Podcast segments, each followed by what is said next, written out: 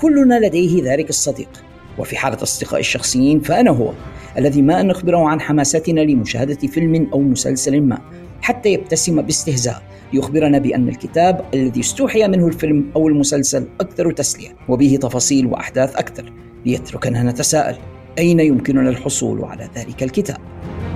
رعاتنا الرسميون مكتبة الرسالة العالمية لديهم الجواب لدى مكتبة الرسالة العالمية سوف تجدون جميع تلك الروايات التي تقتبس عنها الأفلام. هاري بوتر The Witcher جاك ريتشر شيرلوك هولمز Lord of the Rings Game of Thrones الذي تستمعون إلى لحنها هنا. جميعها بطبعات أصلية ومقابل أسعار مناسبة. وإذا كان كتابك المفضل غير موجود لديهم فلا تقلق. بإمكانهم جلبه لكم بأسرع وأقل تكلفة مما يتطلبه شراؤه عبر الإنترنت. مكتبة الرسالة لا تبيع الروايات فقط حيث لديهم الكتب الدراسية والقواميس والمراجع في كافة المجالات العلمية. وإذا لم يكن بمقدورك الذهاب بنفسك إلى المكتبة أيضا لا تقلق فلديهم خدمة التوصيل كذلك. فماذا تنتظرون؟ عالم من المعرفة ينتظركم بمكتبة الرسالة العالمية. زوروا صفحتهم في وصف هذه الحلقة واتصلوا بهم للحصول على ما تريدون من الكتب. فقط اخبروهم أنكم من مستمعي البودكاست وبأن البروف هو من أرسلكم. مكتبة الرسالة العالمية جسركم إلى المعرفة العالمية.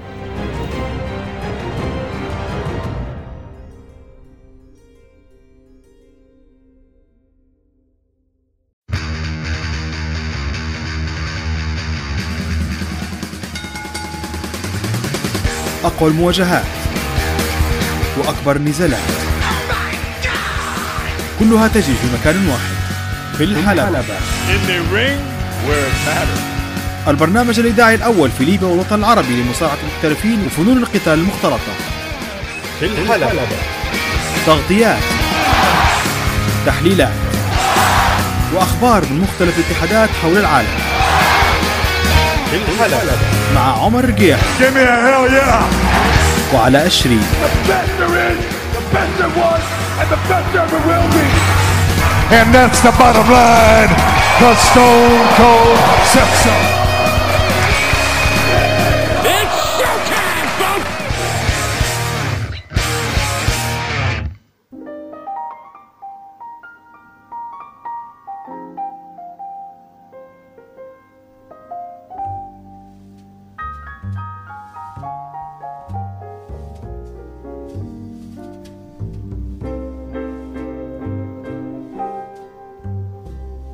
بسم الله الرحمن الرحيم أعزائي المستمعين في كل مكان السلام عليكم ورحمة الله وبركاته وأهلا وسهلا بكم إلى حلقة جديدة من بودكاست في الحلبة In the Ring Where It Matters. تأتيكم من استديوهات منزلي المتواضع في عنزارة من طرابلس الليبية معكم من هناك كما العادة محدثكم ذا بروف علاء الشيف أرحب بكم أصدقائي المستمعين إلى هذه الحلقة الخامسة والسبعين من بودكاست في الحلبة. بعض الناس يصفون الأشياء التي تحمل الرقم 75 بالماسية فيقولون اليوبيل الماسي أو العيد الماسي أو الذكرى الماسية وعليه فسوف أطلق على هذه الحلقة من البودكاست الحلقة الماسية. فمرحبا بكم يا من تستمعون إليها سواء كان ذلك عبر قناتنا على يوتيوب أو عبر Anchor.fm ومنصاته المتعددة. Google Podcasts Apple Podcasts Spotify Stitcher نحن موجودون كذلك على Player.fm Podbay Podbean Pod Paradise Amazon Music Audible وأنغامي. فمرحبا بكم جميعا حيثما كنتم تستمعون إلينا من داخل القطر الليبي أو من خارجه في جميع أصقاع العالم. ولكن لابد من شاوت اوت أو تحية خاصة لأصدقائنا المميزين الذين لولاهم بعد الله سبحانه وتعالى ما كان بمقدورنا الاستمرار في تقديم هذه الحلقات. وعلى رأسهم الشقيقان حسن وحسين عبد الله من طرابلس الليبية واللذان كانا يحملان فيما مضى لقب The Young Bucks. ولكن بعد الشجار الذي دب ما بين فريق The Young Bucks الحقيقي مش حسن وحسين ومصارع حسن وحسين المفضل سيام بانك في أروقة AEW طلب مني حسن وحسين ألا أطلق عليهما ذلك اللقب مجددا فوعدتهما بالتفكير في لقب آخر يناسبهما. وبعد التفكير قررت أن أطلق عليهما لقب فريق ITR طبعا هناك فريق FTR في اتحاد AW وهو بالمناسبة فريق ثنائي ممتاز للغاية. ولكن ITR هو الإنيشلز أو اختصار اسم البودكاست الخاص بنا In the Ring ITR ولأنهما من أشد مشجعي البودكاست حماسا ووفاء له فقررت أن أطلق عليهما هذا اللقب لقب ITR وأرجو أن يكون اللقب الجديد قد أعجب صديقي. أريد أن أحيي كذلك من نزليتنا الليبية صديقنا عبد المجيد أبو عزة من دولة الكويت الشقيق الصديق عبد العزيز حسن من المملكة العربية السعودية الصديق هاشم الحربي ومن المملكة المغربية الصديق عزيز كان يطلق على نفسه فيما مضى. الاسم لانستر ولكنه غيره مؤخرا إلى تارجيريان من الواضح يا عزيز أنك من محبي Game of Thrones and House of the Dragon وأنا الآخر من محبي هذين العملين. المهم الصديق عزيز تارجيريان هذا اسمه الحالي يحتفل هذه الأيام بذكرى مولده. ولكن الذكرى هذه السنة تكتسي بنكهة الوحدة لأنه يقضي أول عيد ميلاد له خارج وطنه حيث هو الآن مغترب في الخارج لغرض العمل. لكن نبي نقول لصديقنا عزيز بأنك لست وحيدا لأنك لما تكون من أسرة In the Ring فإنك لن تذهب وحيدا أبدا. وعليه بالأصالة عن نفسي وبالنيابة عن جميع أسرة في الحلبة ومستمعي أن نتمنى لك يوم ميلاد سعيد. هابي بيرثدي يا صديقنا عزيز. بعد بث الحلقة الماضية من البودكاست كنت قد أطلقت على مستمعينا من خلال صفحة البرنامج على فيسبوك. سؤال مسابقة هو في دقيقة ما من الحلقة قمت أنا مقدم الحلقة بتقليد أحد الشخصيات في عالم مصارعة المحترفين. من كانت تلك الشخصية وفي أي دقيقة بالضبط قمت بتقليدها؟ الإجابة الصحيحة الشخصية التي حاولت تقليدها هي فينس ماكمان. وقد قمت بتقليده بعد مرور ساعة و15 دقيقة و34 ثانية من الحلقة الماضية من البودكاست. هناك عدة مستمعين أرسلوا إلينا بالإجابة الصحيحة ولكن أولهم كان الصديق محمد عصام من طرابلس الليبية الذي يطيب لي أن أقدم له تحية خاصة هو الآخر وشات أوت لهذا الصديق المميز. فشكرا لك يا محمد على نباهتك وعلى انتباهك وعلى استماعك بدقة إلى الحلقة ولمشاركتك في المسابقة أما إذا كنت مستمعا جديدا عثرت علينا قدرا وقررت أن تقضي معنا بعض الوقت فخليني نعرفك قليلا بهذا البودكاست وبمهمته وما الذي نحاول القيام به هنا بالضبط. بودكاست في الحلبة عبارة عن مجلة إذاعية مسموعة. نحاول تقديمها أسبوعيا ولو أننا لا نفلح في ذلك عادة ولكننا نحاول أن نقدم هذا البودكاست أسبوعيا بحيث نغطي من خلاله آخر الأحداث والمستجدات التي تحصل في عالم مصارعة المحترفين بالنقاش والتحليل المعمق. نستقبل هنا أسئلة أعزائنا المستمعين ونجيب عنها في فقرة اسمها حقيبة الرسائل. لدينا فقرة نقدم فيها حكايات وقصص طريفة من عالم المصارعة عنوانها وقت الحكاية. وأحيانا نتحصل على فرصة لإجراء لقاءات مع شخصيات من عالم مصارعة المحترفين. وبالمناسبة أحب أن أبشر أصدقائنا بأنني في مساع الآن لإجراء لقاءات جديدة مع شخصيات من عالم المصارعة. ما بيش نعطيكم أسماء الآن ولا أريد أن أرفع سقف التوقعات عاليا ولكن كل ما أستطيع أن أقوله بأننا نسعى للحصول على بعض اللقاءات وأرجو أن نتمكن من إجرائها قريبا. ما لا نقوم به في هذا البودكاست هو الاكتفاء بتقديم ترجمة ركيكة عبر Google Translator للأخبار التي يقوم بتحريرها صحفيون أمريكان من أمثال ديف ميلتسر وبالمناسبة هكذا يلفظ اسمه ديف ميلتسر وليس ديف ملتسر يا صانعي المحتوى العرب. ديف ميلتسر وغيره من الصحفيين الأمريكان لا نحن لا نكتفي بمجرد ترجمة الأخبار ثم تقديم ومضات سريعة أو مقاطع قصيرة. نقرأ فيها تلك الأخبار المترجمة ونخطئ في لفظ الأسماء ثم نقول بأن هذه آخر الأخبار من عالم المصارعة. لا نحن نقدم برنامج نقوم فيه بتحليل الأخبار وفق رؤيتنا نحن وفهمنا لمصارعة المحترفين عبر متابعة دامت لأكثر من أربعين سنة لهذه الصناعة. لدينا فهمنا ولدينا طريقتنا لقراءة الأخبار. إذا كنت تبي تسمع وجهة نظر صادقة وموضوعية لعالم المصارعة أنصحك بالاستماع إلى هذا البودكاست. وعدك بأنك سوف تستمتع وسوف تقضي معنا وقتا مفيدا ومسليا. طولت عليكم شوية بهذه المقدمة أعزائنا المستمعين فخلينا نخش مع بعضنا إلى آخر الأخبار والمستجدات من عالم المصارعة فإلى هناك. ونبدأ من اتحاد AEW والذي شهدت مشاهدات عرضه الرئيسي داينامايت ارتفاعا ملحوظا هذا الأسبوع بمليون و175 ألف مشاهدة. أعتقد بأن المسؤولين في اتحاد AEW وكذلك المسؤولين في شبكة Warner Brothers Discovery سعداء جدا بهذه المشاهدات لا سيما بعد المشاكل الأخيرة التي شهدتها الاتحاد واللي غطيناها في حلقات سابقة من البودكاست خصوصا مع غياب نخبة من نجومهم الكبار. فالحلقة الماضية من داينامايت لم يشارك فيها أي من فريق The Young Bucks أو كيني أوميجا اللي هم معروفين بال Elite ولم يشارك فيها كذلك CM Punk وبرغم غياب تلك الأسماء الكبيرة إلا أن الحلقة تمكنت من إحراز نسبة مشاهدات عالية.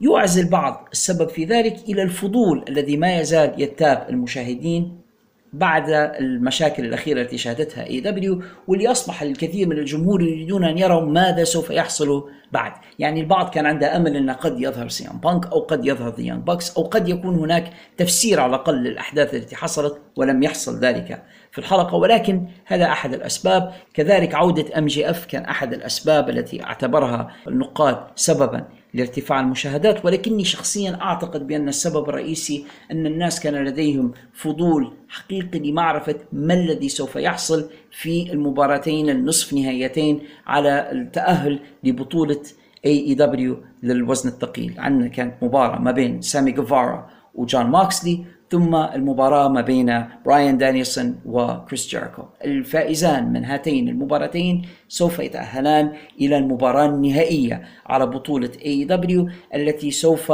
يشهدها عرض AEW Grand Slam الذي سيقام في Arthur Ashe Stadium الأسبوع المقبل. وقد فاز في كل من المباراتين جون موكسلي من جهة وبراين دانيلسون من الجهة الأخرى اللي كان في الحدث الرئيسي من العرض ليتأهلا هما عضوان من فريق The Blackpool Combat Club وسيكون من الطريف أن نشهد المواجهة ما بين الزميلين براين دانيلسون وجون موكسلي سبق لهذين المصارعين الآتيين من WWE أن تواجها في WWE كانت مباراتهما السابقة جميلة للغاية. وأنا متوقع أن لا تقل المباراة المقبلة عن المباراة السابقة ما بينهما امتاعا وقوة وشدة. لكن لو سألتموني من الذي يتوقع أن يفوز فيها سأقول براين دانيلسون لقد سبق لجون موكسلي بالفعل أنه هو فاز ببطولة AEW عدة مرات وكان بطلا مقنعا وممتازا ولكن أعتقد بأن الدور قد حان أن يحمل براين دانيلسون هذا اللقب وأعتقد بأنه سوف يكون بطلا ممتازا. سيما وأنه هو يعني أظهر حتى في الأحداث الأخيرة والمشاكل الأخيرة التي حصلت خلف الكواليس في AEW بأنه شخص محترم ومسؤول وقائد خلف الكواليس ويمكن الاعتماد عليه كشخصية قيادية تحمل علم هذا الاتحاد وتمثله في المستقبل. أعتقد بأن براين دانيلسون هو الاختيار المناسب سيما وأن براين دانيلسون قد صرح مؤخرا بأنه لا ينوي الاستمرار طويلا في عالم مصارعة المحترفين. ففي حصة Q&A أقيمت معه مؤخرا عبر موقع Reddit سئل براين دانيلسون عما إذا كان راغبا في العودة إلى اتحاد WWE بعد انتهاء عقده. مع AEW فقال بأنه غير راغب في العودة إلى WWE بل وأنه غير راغب في تجديد عقده الذي ينتهي مع AEW في سنة 2025 لا يرغب حتى في تجديد ذلك العقد وبأنه في الواقع راغب في الاعتزال بعد انتهاء هذا التعاقد الحالي. بالرغم من أن براين ليس كبيرا جدا في السن حتى في سنة 2025 لن يكون كبيرا للغاية ولكنه قال بأنه بلهجتنا نقول خلاص. هو يريد الاعتزال والبقاء في البيت وأن يكون أبا لأطفاله بدلا أن يستمر على الطريق في عالم المصارعة. وبالتالي أعتقد بأن نافذة الفرصة أمام حتى الجمهور انهم يستمتعوا باستمرار براين دانيلسون في الحلبات لم تعد طويلة للغاية. أعتقد بأن هذا هو الوقت المناسب لمنحه لقب بطولة العالم. هل سيبقى براين دانيلسون في عالم المصارعة أم فعلا سيعتزل بعد انتهاء عقده مع اتحاد AEW ما زال الوقت مبكرا لكي نجزم بذلك بشكل نهائي ولكن أعتقد بأن براين بدأ يميل إلى الاعتزال وأنا أستطيع أن أتفهم تماما أسبابه لذلك. AEW دائما ما يعتمد على النجوم القادمين من الاتحادات الأخرى. واحد أولئك النجوم الذين يبدو بأن الجمهور قد نسوهم في الفترة الأخيرة هو جيف هاردي الذي تم إيقافه عن المصارعة منذ فترة بعد اعتقاله بتهمة القيادة تحت تأثير الكحول. في اليومين الماضيين كان قد صرح أخوه مات هاردي عبر البودكاست الذي يقدمه لأن الجميع في عالم المصارعة الآن أصبح يقدم بودكاست فبودكاست The Extreme Life of Matt Hardy الذي يقدمه مات هاردي صرح مات هاردي بأن شقيقه جيف هاردي يتأهب للعودة من جديد إلى عالم المصارعة وبأن الجمهور سوف يكونون سعداء للغاية للقاء مع جيف هاردي الجديد. هل معنى هذا بأن جيف هاردي قد كف عن عاداته السيئة من تعاطي الكحول والمخدرات وأنه قد خلاص يعني يقولوا بالإنجليزي cleaned up وبإمكانه العودة إلى الحلبة وأن يكون شخصا سويا ومحترما أم لا؟ لا أدري بالنسبة لي جيف هاردي أعطيناه أكثر من فرصة في عالم المصارعة وفي كل مرة يخيب الأمل وفي كل مرة يعود إلى عاداته السيئة من جديد وبالتالي فأنا لا أستطيع أن أجزم تماما بذلك. ولكن عودة جيف هاردي في هذه الفترة بالذات مهمة للغاية لأن اتحاد AEW يفتقد بالفعل إلى نجوم كبار بعد إيقاف أكبر نجومه بسبب الشجار الذي دب.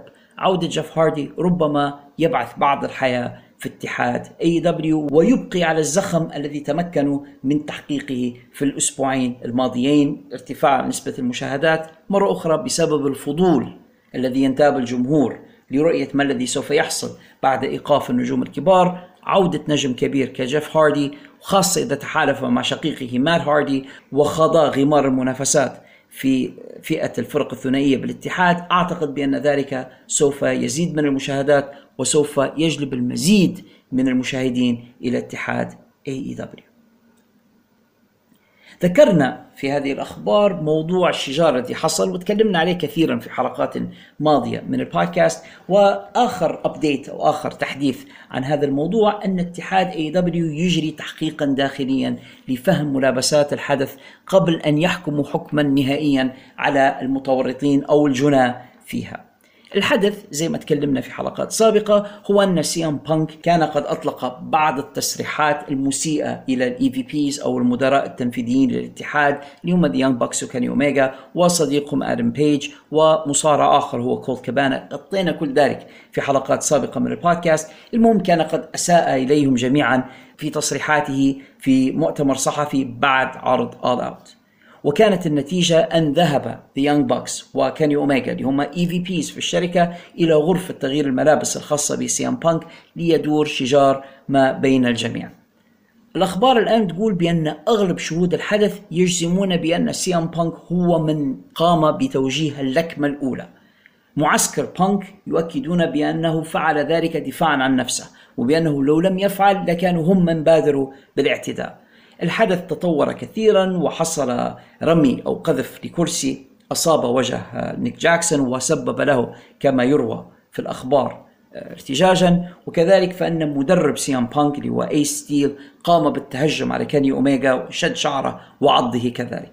الموضوع الآن ما يزال قيد التحقيق وفي البداية كان الاتحاد قد أوقف جميع من كانوا موجودين في الغرفة، يعني قاموا بإيقاف سي ام بانك وايس ستيل و The Young Bucks كيني اوميجا وكذلك بعض المسؤولين الذي كانوا موجودين وكانوا يحاولون فض الاشتباك أو نقول إحنا بلهجتنا يحزوا ما بيناتهم. فتم إيقاف كريستوفر دانييلز وبات باك وهما لم يفعلا شيئا إلا أنهما كانا يحاولان فض الاشتباك وكذلك تم إيقاف مايكل ناكازاوا اللي هو معروف أنه صديق لكيني اوميجا وكان موجود هناك كذلك. إلا أن الأخبار الآن تقول بأنه قد تم رفع الحظر عن كريستوفر دانييلز وعن بات باك عندما تبين بأن لم يكن لهما دور في الشجار أكثر من محاولة إحلال السلام والفض ما بين المتنازعين. وما يزال الإيقاف ساريا على سي ام بانك ايس ستيل كيني اوميجا مات نيك جاكسون هؤلاء الآن وما يزالون موقوفين عن ممارسة أي نشاطات لها علاقة بمصارعة المحترفين حتى مع اتحادات أخرى. الأخبار تقول لنا الآن بأن كاني أوميجا كان قد توجه إلى اليابان للمشاركة في معرض سيجا لألعاب الفيديو. معروف بأن كاني أوميجا من عشاق ألعاب الفيديو بالفعل سافر إلى اليابان ليقدم لعبة AEW الجديدة Fight Forever. إلا أن الأوامر صدرت إليه من الاتحاد بعدم الظهور بشخصه في المعرض فهو موجود هناك ولكنه لن يشارك في المعرض بشخصه ولن يمثل اتحاد AEW لأنه ما يزال موقوفا. أما سي ام بانك فبحسب الأخبار التي لدي فإنه عائد إلى عالم ال MMA للقيام بماذا؟ ما تخافوش ليس للنزال سي ام بانك عائد إلى ال MMA للقيام بالتعليق على حدث الاتحاد CFFC Cage Fury Fights Championship قولوا عشر مرات.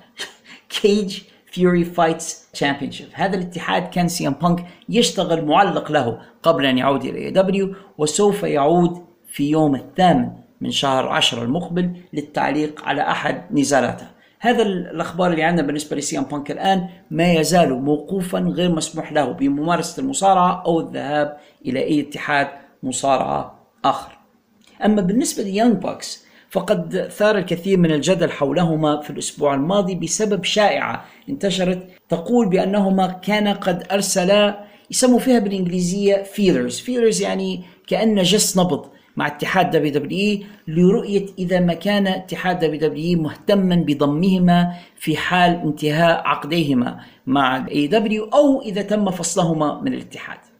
طبعا بالنسبة ل The Young Bucks عقدهما مع AEW ممتد إلى سنة 2024 بعد 2024 يصبحان زي كودي السنة الماضية يصبحان free agents وبإمكانهما الذهاب حيثما يريدان بسرعة قام uncle ديف ديف مالتسر وليس ديف مالتسر بنفي هذه الأخبار وقال بأن The Young Bucks لم يراسلا WWE ولم يقوما بجس النبض هناك وأنهما ليس بحاجة هذا كلام ديف مالتسر ليس بحاجة إلى جس النبض هما بإمكانهما الاتصال مباشرة ب Triple H وسؤاله إذا كانا يريدان الذهاب إلى ال WWE. ولكن أنا شخصيا تحليلي أنهما بالفعل قاما بتسريب هذه الأخبار وهما من أوصلاها إلى صحافة المصارعة كأنها رسالة ضمنية لتوني كان. مفادها أنك إذا قمت بطردنا من الاتحاد فإننا سوف نذهب إلى المنافس إلى ال WWE وأنا شخصيا لا أعتقد بأن توني كان يريد أن يخاطر بالسماح باثنين من أكبر نجومه بالذهاب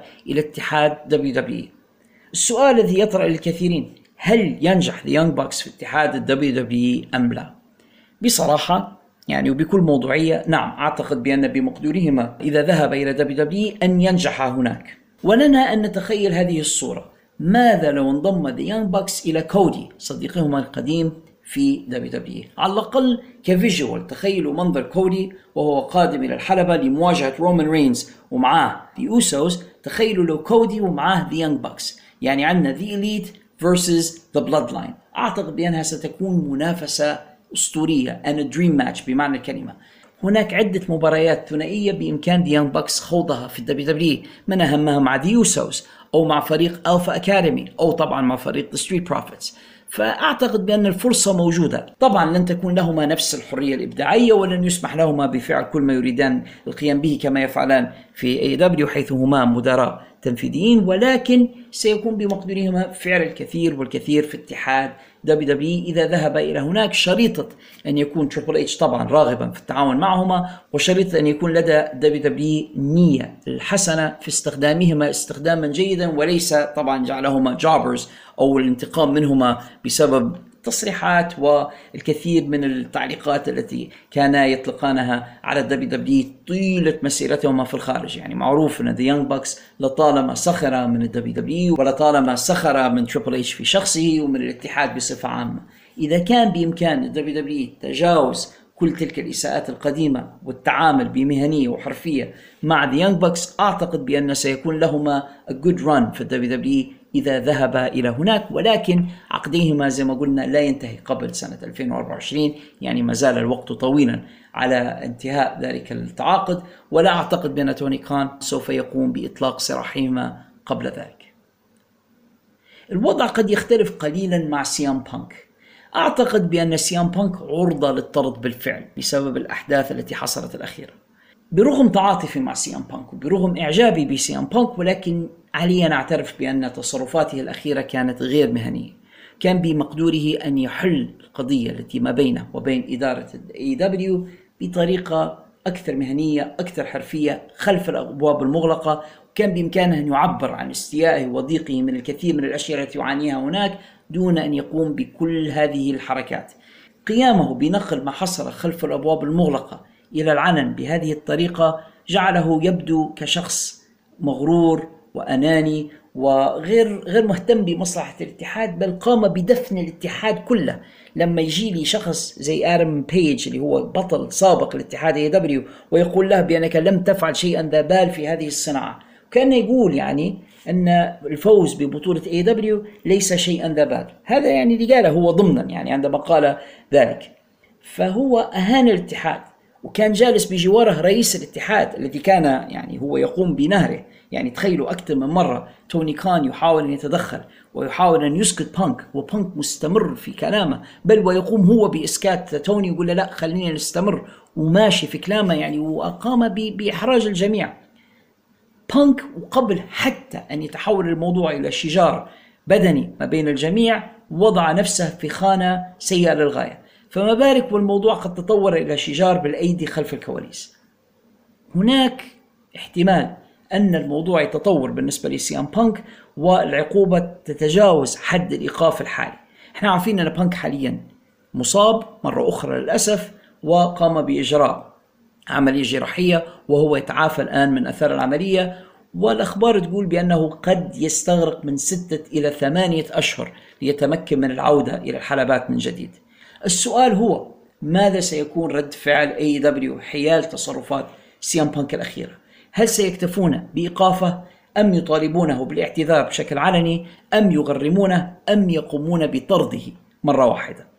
موضوع الطرد هذا معقد وليس سهل لأن لما نشوف القصة بموضوعية كذلك الذين قاموا بالاعتداء على سي إم بانك في غرفة الملابس هم مدراء الاتحاد The Young Bucks وكيني اوميجا يحملون صفات رسمية في الاتحاد. كل واحد منهم قدام اسمه ثلاثة حروف EVP وعندما يقوم مدير الشركة التي تعمل بها بالاعتداء عليك أنت بإمكانك أنك أنت ترفع قضية على الشركة. فايضا بانك بيده ورقة ضغط قوية جدا. إن بإمكانه رفع قضية على اتحاد AEW بحجة أن مدراء الشركة قاموا بالاعتداء عليه. وكانت فكرة سيئة للغاية عندما ذهب The Young Bucks وكيني اوميجا إلى غرفة سي إم بانك للاعتداء عليه أو للتشاجر معه حتى لو ما كانوش يبوا يضربوه ولكن ذهابهم إلى غرفته بالطريقة التي ذهبوا بها وضعتهم في موقف سيء للغاية مع سي إم بانك اللي بإمكانه زي ما قلت لكم يرفع عليهم قضية. في نفس الوقت لا أعتقد بأن توني كان يريد المخاطرة بخسارة واحد من أكبر نجومه واحد من أكبر جالبين النقود واحد من أكبر بائعي التذاكر. لعروضه اللي هو سي إم بانك. لا أعتقد بأن الاتحاد يريد المخاطرة بخسارة سي إم بانك.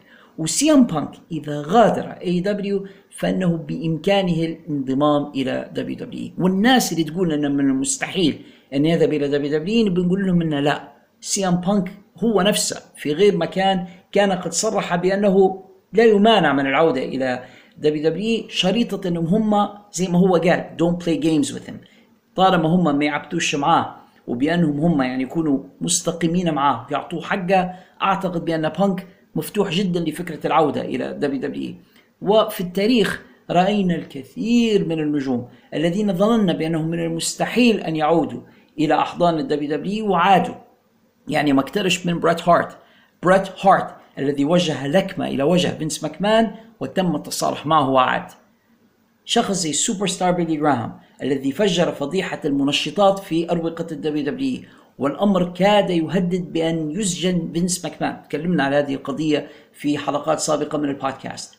تم التصالح معه وعاد ودخل صالة المشاهير. برونو سامارتينو الذي بينه وبين ال WWE ما صنع الحداد وعاد إلى ال WWE وتم التصالح معه بل ودخل صالة المشاهير. The Ultimate Warrior الذي رفع قضايا على WWE وربح منهم ملايين الدولارات. وكانت المشاكل ما بينه وبين ال WWE ضخمة.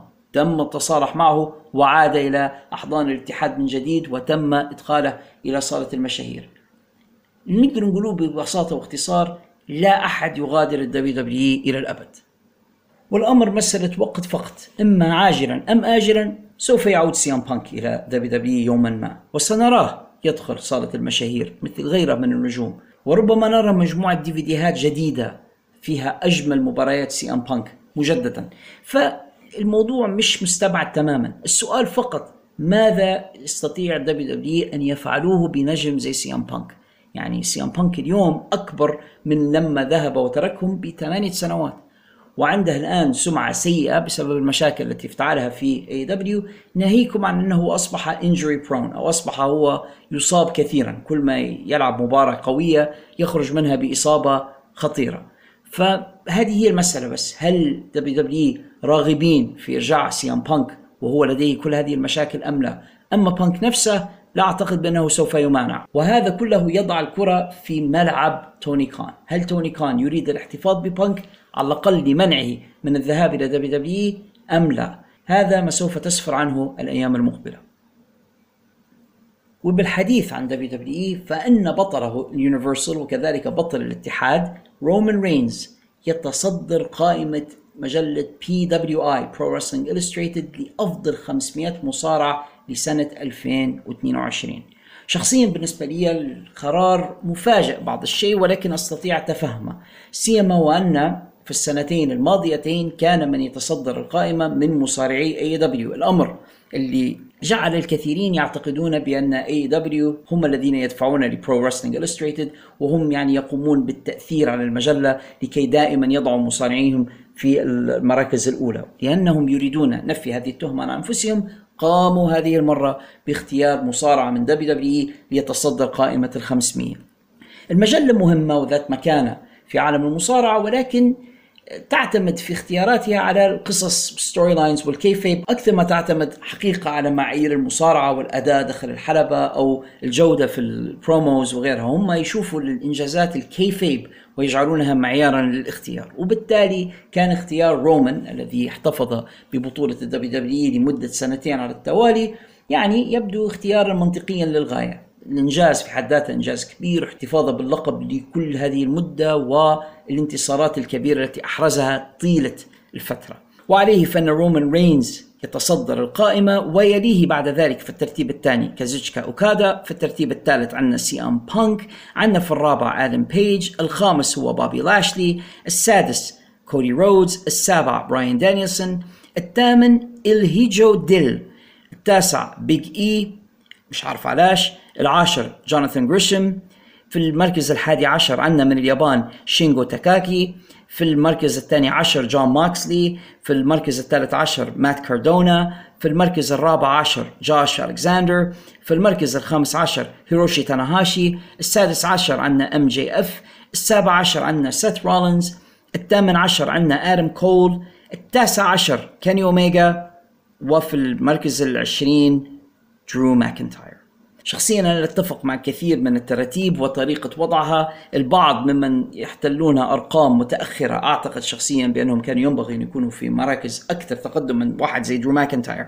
أعتقد أنه كان ينبغي أن يكون على الأقل ضمن ال top five متقدما على أناس آخرين. أعتقد بأن جوش ألكساندر كذلك بطل اتحاد Impact Wrestling والذي أبلى بلاء حسنا جدا هذه السنة كان ينبغي أن يكون في مركز أكثر تقدما من هذا. في المقابل أنا مستغرب جدا من وضع بيج اي في هذا المركز المتقدم بيج اي في المركز التاسع يعني من ضمن ال top 10 وهو الذي قضى أغلب السنة مصابا. يعني إذا كانت الحجة ضد كيني اوميجا إنه كان مصابا لأغلب السنة فكذلك بيج اي فلماذا يوضع بيج اي في هذا المركز المتقدم؟ وهو الذي ليست له الكثير من الإنجازات هذه السنة.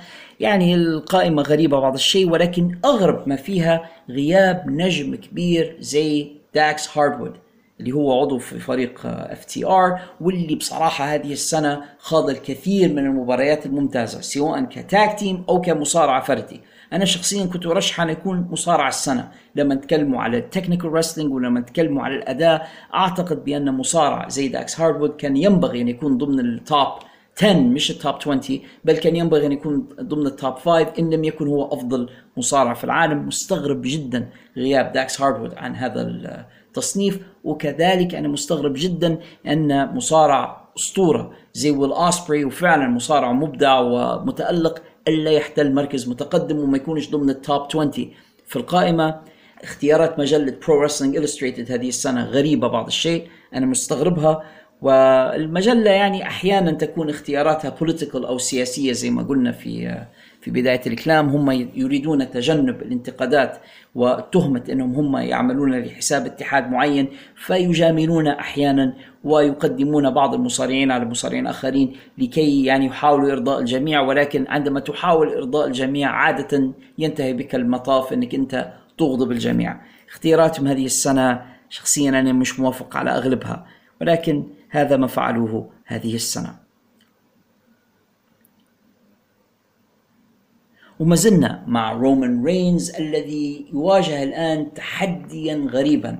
هذه المرة في شخص ال podcaster الذي تحول إلى مصارع مؤخرا لوغان بول. في مؤتمر صحفي عقد في لاس فيغاس نيفادا. هذه الليلة ليلة أنا قاعد نسجل لكم فيها الحلقة أعلن أن لوغان بول المصارع الجديد الذي ما خاضش فيما مضى إلا مباراتين فقط وهذه ستكون مباراته الثالثة. سوف يتحدى بطل ال WWE Universal وبطل ال WWE رومان رينز على ألقابه فيما يبدو لي لحد الآن في العرض القادم في المملكة العربية السعودية Crown Jewel. هناك الكثير من الاستغراب والاستهجان وردود أفعال كثيرة حيال هذا الخبر. البعض يعتقد بأن هذه ستكون مباراة سهلة بالنسبة لرومان وأنهم قد وضعوه في مواجهة شخص مغمور غير معروف وبالتالي فهي مباراة ستحسب لرومان دون أن يقوم بسحق أحد النجوم الكبار. يعني بدل ما يعطوه واحد من الأسماء المشهورة ليتغلب عليها أو جابوا له واحد روكي واحد مبتدئ ليهزمه ويتغلب عليه وبالتالي هو يستمر كبطل العالم من غير الإضرار بسمعة أحد النجوم المعروفين. وهذا بصراحة تفسير غريب شوية لأن في النهاية لابد ما يكون في رابح وخاسر في مباريات المصارعة بغض النظر عن اسم الخصم الذي أمامه. يعني مش حيضر كثيرا نجم زي برون سترومان ولا زي سيث رولينز أو درو ماكنتاير مرة أخرى أو كاريون كروس أو غيرهم من نجوم ال WWE أنهم يواجهوا رومان رينز وأنه يغلبهم. لأن هذا ماشي في ال WWE أن رومان يهزم الجميع. فالفكرة مش أنك أنت تحط لوغان بول ك buffer أو تحط لوغان بول إنه هو اللي ياكل ال pin في السعودية من أجل الحفاظ على النجوم الآخرين، لا أعتقد بأن هذا هو السبب. الحقيقة أنا أعتقد بأن لوغان بول قد فاجأ الجميع وفاق التوقعات خلال المدة التي قضاها في عالم مصارعة المحترفين. الشاب عندما جاء إلى الاتحاد أنا واحد من الناس كنت ضد ذلك وكنت أعتقد بأنه مجرد سيلبرتي فمه كبير أو يتكلم كثيرا وبأنه لن يعجبنا عندما يبدأ في المصارعة. ولكنه فاجأ الجميع وفاق كل التوقعات. عنده look كويس للغاية شكله professional wrestler يجيد الكلام على المايك وهو من المتحدثين البارعين للغاية. وبعدين أداءه داخل الحلبة أكثر بكثير من أي rookie رأيته من قبل حيث يقوم بكثير من الحركات الصعبة يحسن الوقوع يحسن حمل خصمه يحسن حماية الخصم داخل الحلبة. شخصيا فوجئت بمستوى لوغان بول. وعندما قمت ببعض ال research أو بعض البحث عنه اكتشفت بأنه هو عنده back في ال amateur wrestling وبانه هو مصارع بالفعل. يعني صحيح ما كانش professional wrestler ولكنه an amateur wrestler كويس للغاية وعنده حتى ألقاب في الولاية اللي هو منها اللي هو ولاية أوهايو اللي منها مصارعين كويسين للغاية يعني. فهو مش مصارع سيء. وأعتقد بأن اختياره إنه يكون هو متحدي رومان رينز اختيار من خارج الصندوق تماما. لوغان بول في قصته ضد رومان رينز يذكرني كثيرا بقصة فيلم روكي. في فيلم روكي أول جزء. كان هناك بطل العالم أعتقد كان اسمه أبولو كريد وأبولو كان يريد يعني متحدي جديد له ولكنه لم يكن يريد أن يواجه أحد النجوم الكبار في عالم الملاكمة. فقام مديروه بالبحث عن ملاكم مغمور لكي يواجهه ووجدوا ملاكما لديه اسم مثير للاهتمام روكي ولكنه مغمور لا يعرفه أحد. فتم اختيار روكي ليواجه أبولو. وروكي فاجأ الجميع في الفيلم بأنه تدرب جيدا واستعد وأعد نفسه بشكل ممتاز وواجه أبولو وتمكن أن يصمد أمامه. هو لم يربح تلك المباراة ولكنه أيضا لم يخسر. انتهت المباراة بالتعادل. وهذا الذي أثار غضب أبولو وجعله يتحدى روكي لمباراة أخرى. فكان هناك روكي 2 روكي 3 استمرت السلسلة مع روكي بالبوا الأفلام التي مثل فيها سيلفستر ستالون واحد من أفضل الأدوار التي قدمها في عالم السينما. قصة رومان رينز الآن مع لوغان بول ذكرتني كثيرا بذلك. البطل الكبير المشهور الذي سيواجه مصارعا مغمورا لا يكاد يعرفه أحد ولن يراهن عليه أحد. فربما يفاجأ الجميع ويقدم شيئا مميزا في هذا النزال هل سيفوز لوغان بول على رومان رينز في المملكة العربية السعودية؟ أعتقد أنها حتكون مفاجأة لو حصلت يعني لو فاجأوا الجميع وفي السعودية بالذات بخسارة رومان رينز وفوز لوغان بول عليه ستكون صدمة من العيار الثقيل. رومان في السعودية يلعب على أرضه وسط جمهوره more or less هو صح مش سعودي لكنه يحظى بمحبة وشعبية في السعودية أكثر من في الولايات المتحدة نفسها. فإنهم هم يهزموه هناك أمام الجمهور اللي يحبه بتلك الطريقة. ومن خلال ال all American boy هذا الفتى الأمريكي الأشقر ال ال يتمكن من الفوز على رومان في السعودية ستكون مفاجأة من العيار الثقيل هل هذا ما يسعى WWE إليه؟ لا أعرف لا أستطيع الآن أن أبني رؤية واضحة ولكن في المؤتمر الصحفي حسست بأن لوغان بول كان يعني شاد حيله أمام بول هيمن وأمام رومان رينز وأمام الجميع وحسيت بأن تريبل اتش نفسه ميال للوغان بول. يعني كان معجب به تكلم كثيرا عن احترامه للوغان بول وبأن لوغان بول أبهره بمهاراته وبالمستوى الذي قدمه في الفترة الأخيرة وبأن مستواه يفوق بكثير أي celebrity أو شخصية مشهورة أخرى جاءت إلى WWE باستثناء حالات قليلة جدا. وأنا شخصيا أعتقد بأن لوغان من أفضل الذين جاءوا إلى WWE على الإطلاق من خارج المجال. الموضوع مثير جدا وأنا شخصيا متحمس لرؤية هذا النزال ولا نخفيكم أنا متعاطف مع لوغان ضد رومان رينز. أنا مش من محبي رومان رينز كما يعرف الكثير منكم من متابعي البودكاست. ولا اراه جديرا بكل هذا التعظيم والتضخيم والنفخ الذي يحظى به في وسائل الإعلام. وبالتالي أتمنى أن يأتي أحد ويتمكن من الفوز عليه. فوز شخصية زي لوغان بول حتكون مفاجأة من العيار الثقيل إن حصلت. أنا لا أقول هنا بأن هذا ما سوف يحصل علينا رؤية فصول القصة وهي تتكشف من هنا إلى العرض في السعودية الذي سيكون في شهر نوفمبر المقبل. يعني لدينا قرابة الشهرين إلى ذلك الوقت ومن الصعب الجزم بما سوف يحصل من هنا إلى ذلك الوقت. ولكن في كل الحالات اختيار موفق جدا من ال WWE نجم زي لوغان بول أن يكون هو متحدي رومان رينز على بطولة العالم وشخصيا أنا متعاطف جدا معه ضد رومان في هذه المباراة. في نهاية الحلقة الماضية من عرض NXT 2.0 وبالمناسبة تلك الحلقة من العرض كانت حلقة خاصة بمناسبة مرور سنة منذ أن أصبح NXT NXT 2.0 بالشعار الملون والشكل الذي رأيناه به NXT 2.0 في نهاية تلك الحلقة فاجأوا المشاهدين بشيئين اثنين. الأول كان فوز سولو سيكوي وسولو سيكوي اللي هو شقيق The Usos الصغير فوزه ببطولة ما يساوي the US Championship في اتحاد ال WWE ففاز بهذا اللقب وتمكن من الحصول عليه في مباراة قوية جدا مع كارميلو هيز وهو منتقل إلى العروض الرئيسية. انضم إلى SmackDown وهو يحمل ذلك اللقب وانضم إلى شقيقيه وإلى طبعا رومان رينز ليصبح عضو في عصابة The Bloodline فهذه كانت المفاجأة الأولى. أما المفاجأة الأخرى فكانت الكشف عن شعار جديد لعرض NXT الشعار الجديد يشبه كثيرا الشعار القديم اللي هو الأسود والذهبي ولكن هذه المرة الشعار أبيض وذهبي. شعار جميل للغاية ومعه كان تعليق بصوت شون مايكلز يتكلم عن وفائهم للماضي. وكانوا بيقولوا بأننا نحن عائدون إلى ماضي NXT التليد. طبعا إحنا نتذكر جميعا الفترة اللي كان فيها شون مايكلز و Triple H إدارة مطلقة ل NXT في العهد الأسود والذهبي وكيف كان العرض متفوق للغاية وكان عرضا ممتازا. هل سوف يعود WWE إلى NXT Black and Gold؟ ولكن هذه مرة White and Gold هذا ما سوف نراه في الحلقات المقبلة من NXT أنا شخصيا متفائل للعرض إذا كانوا بالفعل ذاهبين في هذا الاتجاه. هناك أخبار الآن عن رغبة WWE في إرجاع فينس ماكمان إلى WWE في أسبوع WrestleMania المقبل وذلك لتقديمه إلى صالة مشاهير الاتحاد. وشخصيا أعتقد بأن هذه الفكرة سيئة للغاية خاصة بالنظر إلى الطريقة المخجلة التي خرج بها فينس ماكمان من اتحاد WWE يعني فينس ماكمان ما طلعش بكيفه مثلا ولا خرج لأنه كان مريضا أو لأنه كان كبيرا في السن. فينس ماكمان خرج بسبب فضيحة كنا قد غطيناها بالتفصيل في حلقات سابقة من هذا البودكاست. بإمكان أعزائنا المستمعين العودة إليها.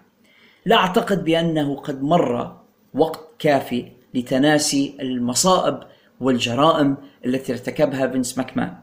ولا أعتقد بأنه حتى إلى موعد WrestleMania يكون قد مر وقت كافي على ذلك. وأعتقد بأن هذا سوف يعطي للاتحاد يعني انطباعا سيئا للغاية لدى الجمهور وهم يكافئون شخص مثل فينس ماكمان ويدخلونه صالة مشاهيرهم. العكس المفروض يصير إن الشخص زي ماكمان لو كان موجود في صالة المشاهير إنهم يسحبوا منه هذا الشرف مش إنهم يدخلوه.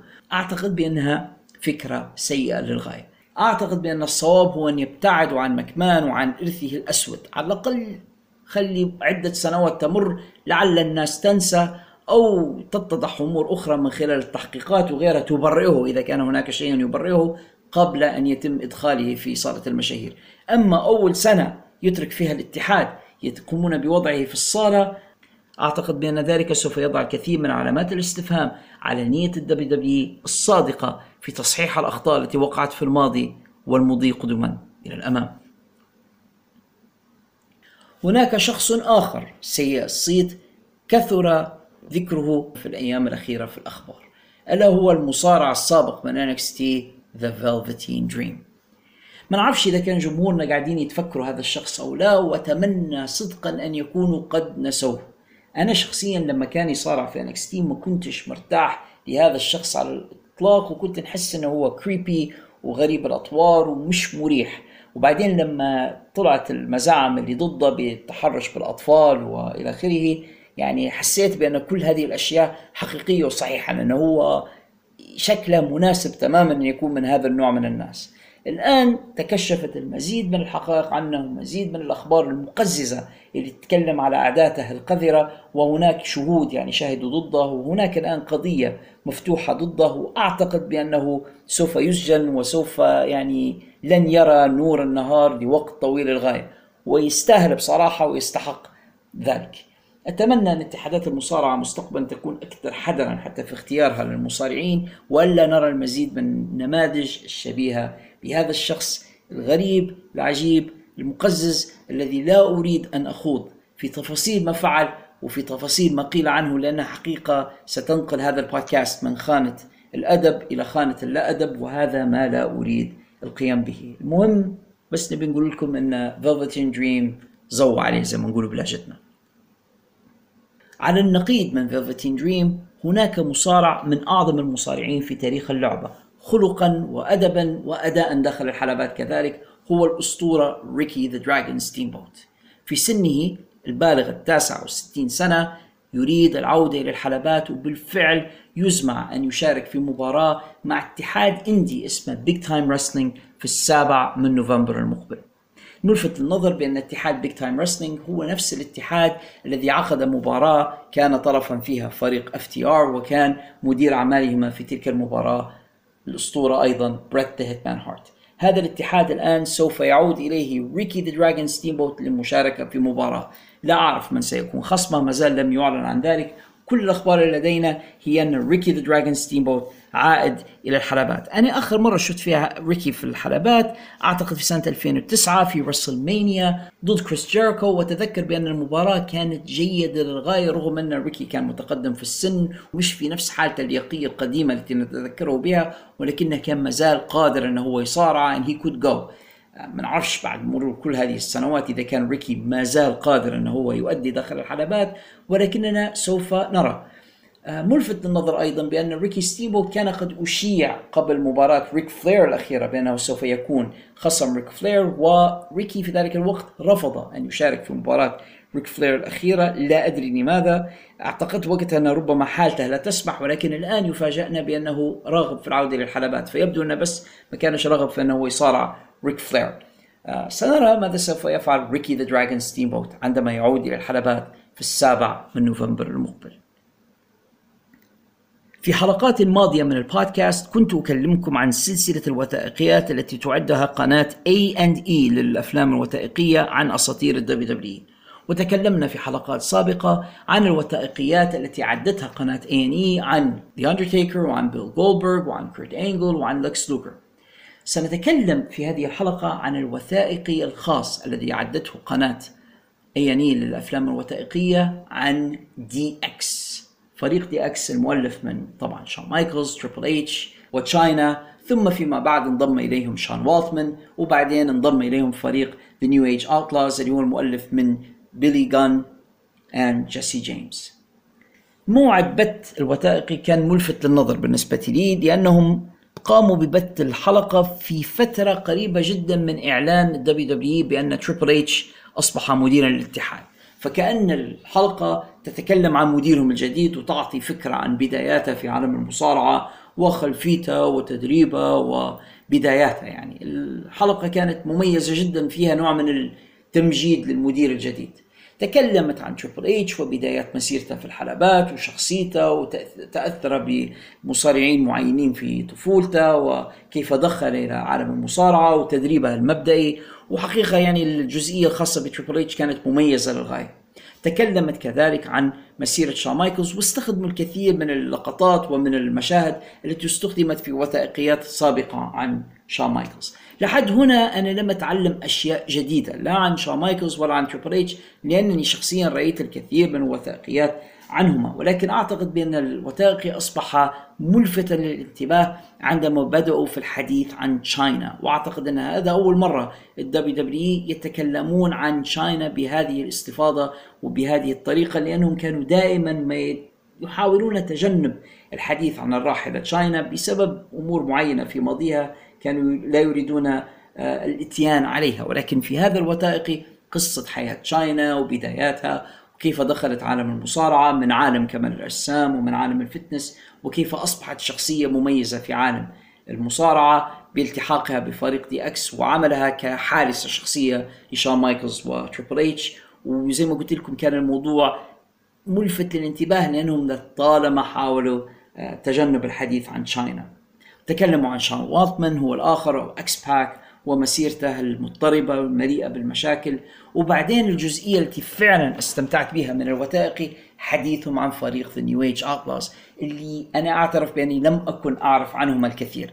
فتعلمت بأن جيسي جيمس أو جيمس أرمسترونغ كما هو اسمه الحقيقي كيف أنه كان جندي في القوات الخاصة الأمريكية وكيف أنه أساسا من عائلة مصارعة وبعدين انضم إلى ال WWE وتم تطويره هناك بشكل أكبر وكيف أنه كان بارع جدا على المايك ويحسن الحديث ولكنه لم يكن مصارعا مميزا للغاية وعندما وضع مع بيلي جان اللي كانوا يدوروا له على حد يساعده بأنهما أصبحا فريق متكامل. لأن بيلي جان كان عنده الشكل وكان يحسن الأداء داخل الحلبة ولكنه لم يكن متحدثا بارعا. فكأن الاثنين كملوا بعض. واحد متحدث بارع الآخر مصارع ممتاز حطوهم مع بعض في فريق أصبحا يعني توليفة ممتازة.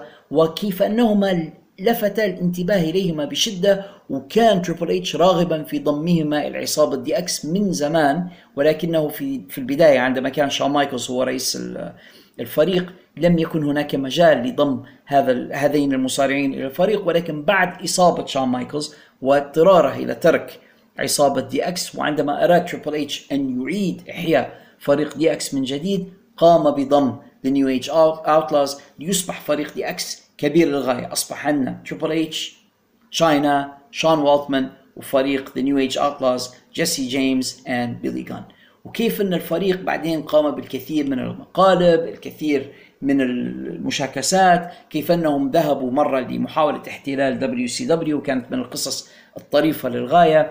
الوثائقي يغطي كل هذا وأكثر. الوثائقي يتكلم عن مشاكل الإدمان والمخدرات التي عانى منها كل من شون مايكلز شون والتمان وعضوا فريق the, uh, the New Age Outlaws وكيف أن هذه الأمور كادت أن تقضي يعني هم الوحيد يعني حتى الوثائقي يحاول التركيز عليها. الوحيد اللي كان straight واللي كان يعني uh, ملتزم ومحافظ على نفسه هو تريبل اتش ولهذا نجح تريبل اتش في حين فشل الآخرون بسبب مشاكلهم مع الإدمان ومع المخدرات. ثم الفيلم يتطرق إلى كيف تعافى كل من هؤلاء من مشاكله على الأقل بالنسبة ل New Age Outlaws تعافيا عادا إلى ال WWE بعد أن تم طردهما وكيف أنهما استمرا في الحلبات. تكلم قليلا عن انضمامهما إلى TNA ولكن أيضا لم يتم التركيز على هذا الجانب. دائما أفلام A&E تتجاهل الاتحادات الأخرى. الحلقة بصفة عامة كانت مميزة للغاية غطت الكثير من النواحي الخاصة بحياة جميع هؤلاء المصارعين عودة شون مايكلز إلى الحلبات بعد أن تعافى من إصاباته في الظهر. المباراة التي خاضها ضد تريبل اتش في SummerSlam 2002 يعني الحق وثائقي جميل الغاية. أنصح متابعي البودكاست بالبحث عنه ومشاهدته وأعتقد أن بإمكانكم بسهولة العثور عليه في موقع Watch Wrestling أو Watch Pro Wrestling.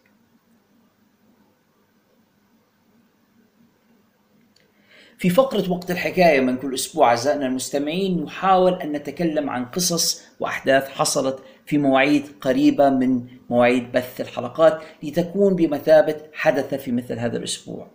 وبالفعل حدث في مثل هذا الأسبوع في سنة 1996 حادثة مميزة للغاية أثرت كثيرا في تاريخ مصارعة المحترفين ألا وهي مولد شخصية ذا كرو الخاصة بستينج فكيف حدث ذلك وما هي الحكاية؟ هذا ما سوف نتعرف عليه في هذه الحلقة من بودكاست في الحلبة فقرة وقت الحكاية. Can I tell you guys a story? Can I tell you a story?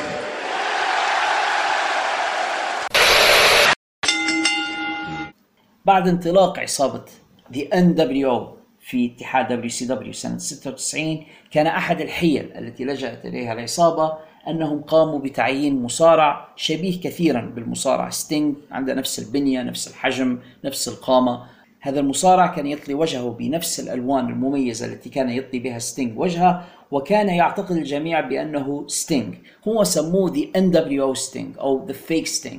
وهذا المصارع سبب الكثير من الفتنة في اتحاد WCW حيث كان الجميع يعتقد بأن ستينج خان WCW وانضم إلى The NWO بينما في الواقع والحقيقة هذا لم يكن ستينج هذا ستينج المزيف. في عرض Fall Brawl سنة 96 ظهر للجميع حقيقة بأن ستينج ستيف بوردن لم ينضم إلى عصابة The NWO عندما ظهر في المباراة التي خاضها مصارعو WCW ضد مصارعي NWO وقام ستينج بإسقاط ستينج المزيف أمام الجميع ليظهر بأنه هو ستينج الحقيقي. ولكن قبل ذلك كان الجميع في اتحاد WCW يتهم ستينج بأنه قد خان الاتحاد وبأنه انضم إلى NWO منهم صديقه الحميم لكس لوجر اللي كان من أعز أصدقائه والذي اتهمه بالانضمام إلى عصابة The NWO وعليه وفي السادس عشر من سبتمبر سنة 1996 فاجأ ستينج الجميع بظهوره في حلقة Monday Nitro عندما أدار ظهره للكاميرا يعني لم يكن يريد النظر إلى الكاميرا بل كان ينظر إلى الجمهور وألقى خطابا شديد اللهجة يمكننا هنا الاستماع إلى جزء منه I have given my blood, my sweat, and my tears for WCW. I don't like where this is going. So for all of those fans out there and all those wrestlers and people Okay, I mean, that he's, never doubted the Stinger, I'll stand by you if you stand by me. But, but for all of the people, all of the commentators, all of the wrestlers, and all of the best friends who did doubt me, you can stick it.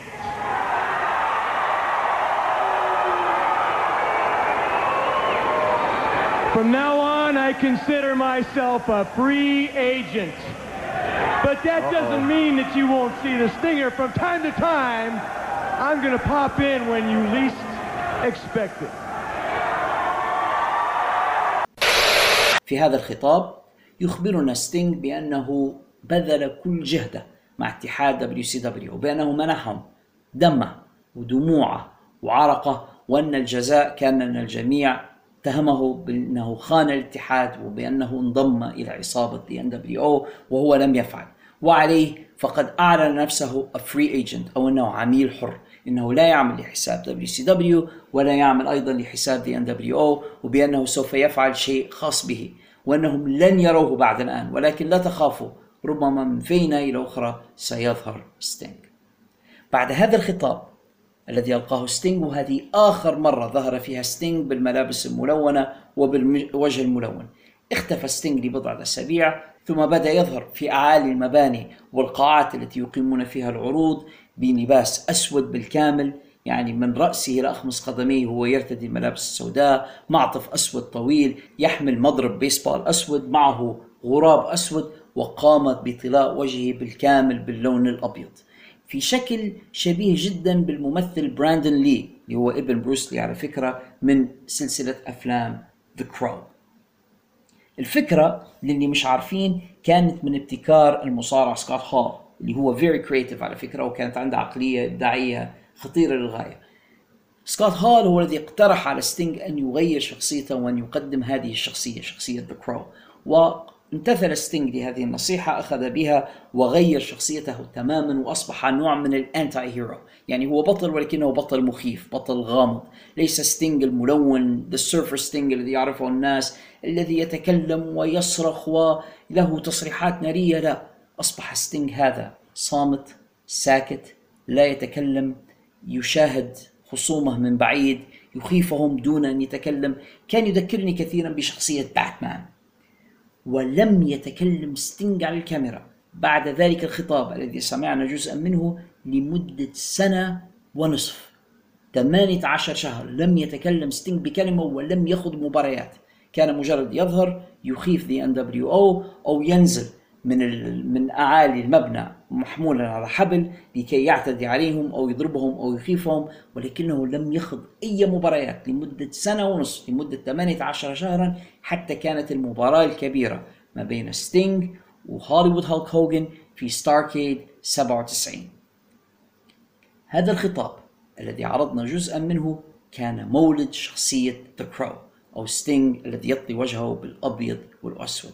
ومنذ ذلك التاريخ إلى وقتنا هذا لم يغير ستينج الشخصية إلا بتفاصيل بسيطة. في فترة آه، قام بطلاء وجهه باللون الأحمر عندما انضم إلى عصابة The Red and Black في the NWO ورأيناه قليلا في TNA قام بإضافة بعض الألوان إلى وجهه ولكنه حافظ على الوجه الأبيض وعلى هذه الشخصية منذ ذلك الوقت في سنة 1996 إلى يومنا هذا. وستينج الذي نراه الآن على شاشة TNT مع اتحاد AEW قريب الشبه جدا بستينج الذي ولد في مثل هذا اليوم من سنة 1996 هي نقطة تاريخية فارقة في تاريخ المصارع الأيقونة. ستينج وأعتقد أنها تاريخية فارقة كذلك في اتحاد WCW لأن عداوة ستينج مع The NWO حملت الاتحاد لمدة طويلة جدا ومكنتهم من أنهم يقدموا واحدة من أكبر ال buy rates وأكبر معدلات الشراء ل pay-per-view خاص بهم ألا وهو Starrcade 97 في الوقت المتبقي من هذه الحلقة خندير طلة مع بعضنا على ما لدينا في حقيبة الرسائل لهذا الأسبوع. Got mail. زي ما نقول لكم في كل حلقة أعزائنا المستمعين بإمكانكم أن تراسلونا على بريد البرنامج. Contact us at outofthebox.ly أو مراسلتنا على وسائل التواصل الاجتماعي فيسبوك وتويتر حيث لدينا هناك حسابات ومجموعات وصفحات. ما عليكم فقط إلا البحث عن In the Ring في الحلبة ثم مراسلتنا في الأماكن المخصصة للمراسلة في تلك الوسائل. كذلك فأنا على صفحة البرنامج في موقع فيسبوك أقوم دوما بترك منشور أو بوست أطلب فيه من المستمعين أن يتركوا لنا ما لديهم من أسئلة واستفسارات. أقوم بالإجابة عليها في الحلقة التالية من البودكاست كما سوف أفعل الآن. خلينا نشوف مع بعضنا الأسئلة التي تفضل أصدقاؤنا بإلقائها علينا منذ الحلقة الماضية. ونبدأ بأسئلة الصديق حسين عبد الله الذي ألقى علي سؤالين. سؤاله الأول عن لكس لوجر الذي تحدثنا عنه بعض الشيء في الحلقة الماضية، طلب مني أن نتحدث أكثر عنه وسمع بأنه قد أصيب بالشلل بسبب المنشطات، فهل هذا صحيح؟ شكرا لك يا صديقنا حسين على هذا السؤال بالنسبة للكس لوجر يعني ماذا هناك ليقول عنه أكثر يعني لكس لوجر الوثائقي الخاص ب A&E غطى الكثير من سيرة لكس لوجر بإمكانك العودة إلى تلك الحلقة لتشاهدها ولتتعرف الكثير عن هذا المصارع. المثير للانتباه حقيقة يعني عنده الكثير من النواحي آه، الغريبة في حياته ولكن من الأشياء التي ربما لم أخبركم عنها في الحلقة الماضية عن لكس لوجر أنه شارك في اتحاد لكمال الأجسام كان يملكه فينس ماكمان. عنوانه The World Bodybuilding Federation إلا أنه لم تتح له الفرصة للمشاركة في أي من المسابقات بسبب حادث مروري مروع كان قد تعرض له. لكس لوجر تعرض إلى حادث دراجة نارية في سنة 92 إن لم تخطئني الذاكرة. هذه الحادثة هددت بقطع ذراع لكس لوجر يعني أو بترها تماما. الأطباء عندما رأوا شدة الإصابة على ساعد لكس لوجر كانوا يفكرون في قطع ذراعه وهذا الأمر هو الذي يعني جعل ستينج يطلب تدخل دكتور مشهور جدا طبيب اسمه دكتور أندروز آه، معروف بأن عنده طرق علاجية غريبة وخلاقة للغاية. هذا الطبيب طلب نقل لكس لوجر إلى عيادته وقام بإجراء عملية خاصة جدا. ما نعرفش يعني تفاصيلها بالضبط ولكنه تمكن من إنقاذ ذراع لكس لوجر إلا أن لكس لوجر ظل بعدها يصارع وداخل ذراعه مجموعة كبيرة من الصفائح المعدنية التي ربطت ال- الأوتار وال- والعظام ببعضها البعض لكي يبقى للكس لوجر ذراع وهذه يعني تعتبر واحدة من الحاجات الغريبة للغاية وجعلوها حتى جزء من ال gimmick بتاعه هو يرتدي آه، واقي بالمرفق لكي لا يضرب بالمرفق الحديدي. ولكن إذا خلع ال- الواقي هذا وضرب بمرفقه بشكل مباشر فإن ذلك يعتبر مخالفا لأن لكس لوجر مرفقه كان من المعدن. هذه واحدة من الحاجات الغريبة عن قصة لكس لوجر. أما سبب إصابته بالشلل عافانا الله وإياكم صديق حسين وجميع المستمعين فليس أعتقد بسبب المنشطات بشكل مباشر ولكن لوجر كان مصاب بحالة يسموا فيها في الطب آه، انضغاط العمود الفقري. وانضغاط العمود الفقري هذا يتعرض له بعض الرياضيين خاصة اللي هم كثيري السقوط على ظهورهم يعني. فمن كثرة ال bumps ومن كثرة السقطات اللي أخذها لكس لوجر والحركات العنيفة التي كان يؤديها كان عنده فقرات مضغوطة. اللي صار إن لوجر كان على متن طائرة كان تقريبا في سن التاسع والأربعين عندما حصلت معه هذه الحادثة. وأراد الالتفات لكي يكلم المضيفة حسب ما هو يحكي. فعندما حرك رقبته بشكل مفاجئ وهو أصلا كان ظهره تعبان انضغطت الفقرات ولم ترجع. وهذا اللي سبب له نوع من من الشلل المؤقت. يعني هو تعافى من ذلك فيما بعد ولكن السبب الرئيسي لإصابته بالشلل هو انضغاط فقرات ظهره اللي لما حرك ركبته بشكل مفاجئ صارت مشكلة مع مع أعصاب ظهره وأدى إلى الشلل. عافانا الله وإياكم جميعا من مثل تلك الأشياء. سؤاله الثاني عن مباريات السلالم. السؤال هذا طريف على فكرة للغاية. وأعطاني هو ثلاثة مباريات وطلب مني نرتبها من الأسوأ إلى الأفضل. أعطاني مباراة بريت هارت versus شون مايكلز ومباراة ريزر رامون versus آه، شون مايكلز أيضا في سامر سلام ومباراة آه، ريزر رامون ضد شون مايكلز في رسلمانيا الثلاثة مباريات هي مباريات سلالم. فيطلب مني ترتيبها من الأسوأ إلى الأفضل.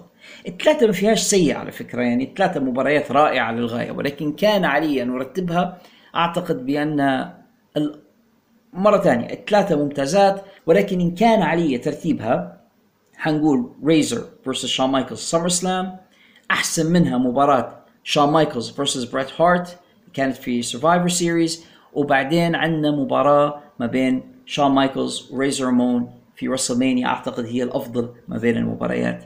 الثلاثة. ثم يسألني أيها كانت أول مباراة سلالم في التاريخ ومن صاحب الفكرة؟ مباريات السلالم يا صديقي حسين كانت تلعب في اتحاد ستامبيد رسلينج منذ الستينات والسبعينات عند ستو هارت وبريت هارت تعلم هذه الطريقة هناك وعنده مباريات سلالم قديمة في السبعينات وبداية الثمانينات مع ذا داينامايت كيد فهو في الواقع هذه المباريات كانت تلعب زمان. لكن أول من نقلها إلى الدبليو دبليو إي وقتها كانت الدبليو دبليو إف هو بريت هارت. هو الذي كلم فينس ماكمان عن هذه المباراة وفينس ماكمان ما كانش قادر يفهمها فطلب من بريت إنه هو يلعب قدامه مباراة زيها لكي ياخذ عليها فكرة.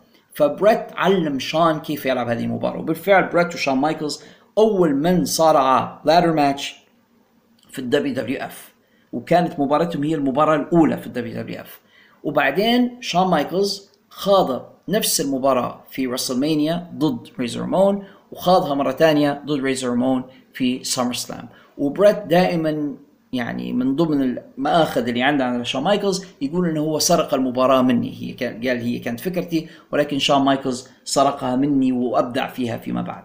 فمن نقلها إلى دبليو دبليو إف هو بريت هارت ولكنها ليست أول مباريات سلالم في التاريخ لأنها كانت تلعب منذ القدم في ستامبيد رسلينج ومانيش متأكد حقيقة من من ابتكرها ابتداء في ستامبيد رسلينج ولكن بريت هارت تعلمها هناك وهو من نقلها إلى الدبليو دبليو اف شكرا لك يا حسين على هذين السؤالين الجميلين.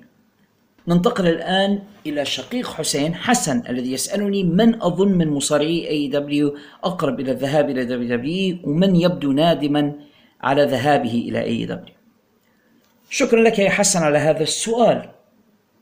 لا بالنسبة للانتقال من اي دبليو إلى دبليو دبليو الموضوع مش على كيفهم يعني الناس هذه عندها عقود. فحتى اللي هو راغب في الذهاب هو لا يستطيع الذهاب هيك اعتباطا غير لأنه هو يريد الذهاب. عليه أن يلتزم بالعقد أو أن يتم تسريحه. وهذه المسألة ليست بسيطة الآن يعني بالذات خاصة مع الظروف الحالية. ولكن نظريا نستطيع أن نقول بأن أي مصارع من AEW ينتهي عقده أو يتم طرده من الاتحاد هو قريب من الذهاب إلى WWE هناك مصارعون كثر في AEW مناسبون في وجهة نظري أنه هو يذهب إلى ال WWE ولكن هل عقده يسمح له بالذهاب أم لا؟ وإلا كنا قد ناقشنا في الحلقة بأن The Young Bucks ربما يذهبان ويكونان مناسبين جدا لل WWE سي ام بانك لو ذهب أعتقد بأنه سيشكل ظاهرة هناك من جديد. آه هناك الكثير من اللي أعتقد إنهم ندمين كما انت وصفتهم يعني أنا أعتقد بأن مالاكاي بلاك ندم بعد انتقاله من دبليو دبليو إلى اي دبليو وهو الذي طلب تسريحه. أعتقد بأن من النادمين كذلك ميرو لأن ميرو كان كالمستجير من رمضاء الدبليو دبليو بنار اي دبليو هو كان يعاني من نوع من التهميش أو من نوع من من الإهمال في الدبليو دبليو ذهب إلى اي دبليو لكي يندفن تماما. أعتقد بأنه نادم على ذهابه إلى AEW كذلك من النادمين أعتقد أندرادي. أندرادي عندما ذهب من الدبليو دبليو إلى اي دبليو أعتقد بأنه سوف يصبح نجما كبيرا وإذ به أيضا يعني موجود في قصص عبثية لا معنى لها وقليلا ما نراه يصارع آه، في ذلك الاتحاد. فأنا أعتقد بأنه نادم هو الآخر. سأتجرأ وأقول بأن من النادمين كذلك آدم كول. لا أعتقد بأن آدم كول يستخدم بالشكل المناسب في اتحاد AEW برغم أن كل الظروف مفروض أن تناسبه يعني حتى style المصارعة هناك مصارعون أصغر حجما وجماعة أصحابه وبإمكانه أنه ينسجم معهم ولكن اللي صاير هو العكس لا يتم استخدام آدم كول من وجهة نظري بالطريقة المناسبة. فهناك الكثير من النادمين ولكن السؤال هل يستطيعون الذهاب أم لا؟ اللي أنا أرشحهم للذهاب جيريكو إذا انتهى عقده أعتقد بأنه سوف يذهب. أندرادي سوف يذهب. ميرو سوف يذهب. أتوقع كذلك The Young Bucks ربما يذهبان. سي ام بانك قد يذهب. آه، أحد الذين أعتقد بأنه ينبغي أن يغادر الاتحاد بسرعة آه، مصارع زي جيك هيجار اللي كان نعرفوه زمان بجاك سواجر. AEW لا يستخدمونه بشكل جيد على الإطلاق. جيك هيجر عندما كان جاك سواجر. في WWE كان أفضل بكثير. أيضا أعتقد من الناس الذين ينبغي أن يغادروا وأن يعودوا إلى WWE ربما يجدون لهم هناك عملا مناسبا.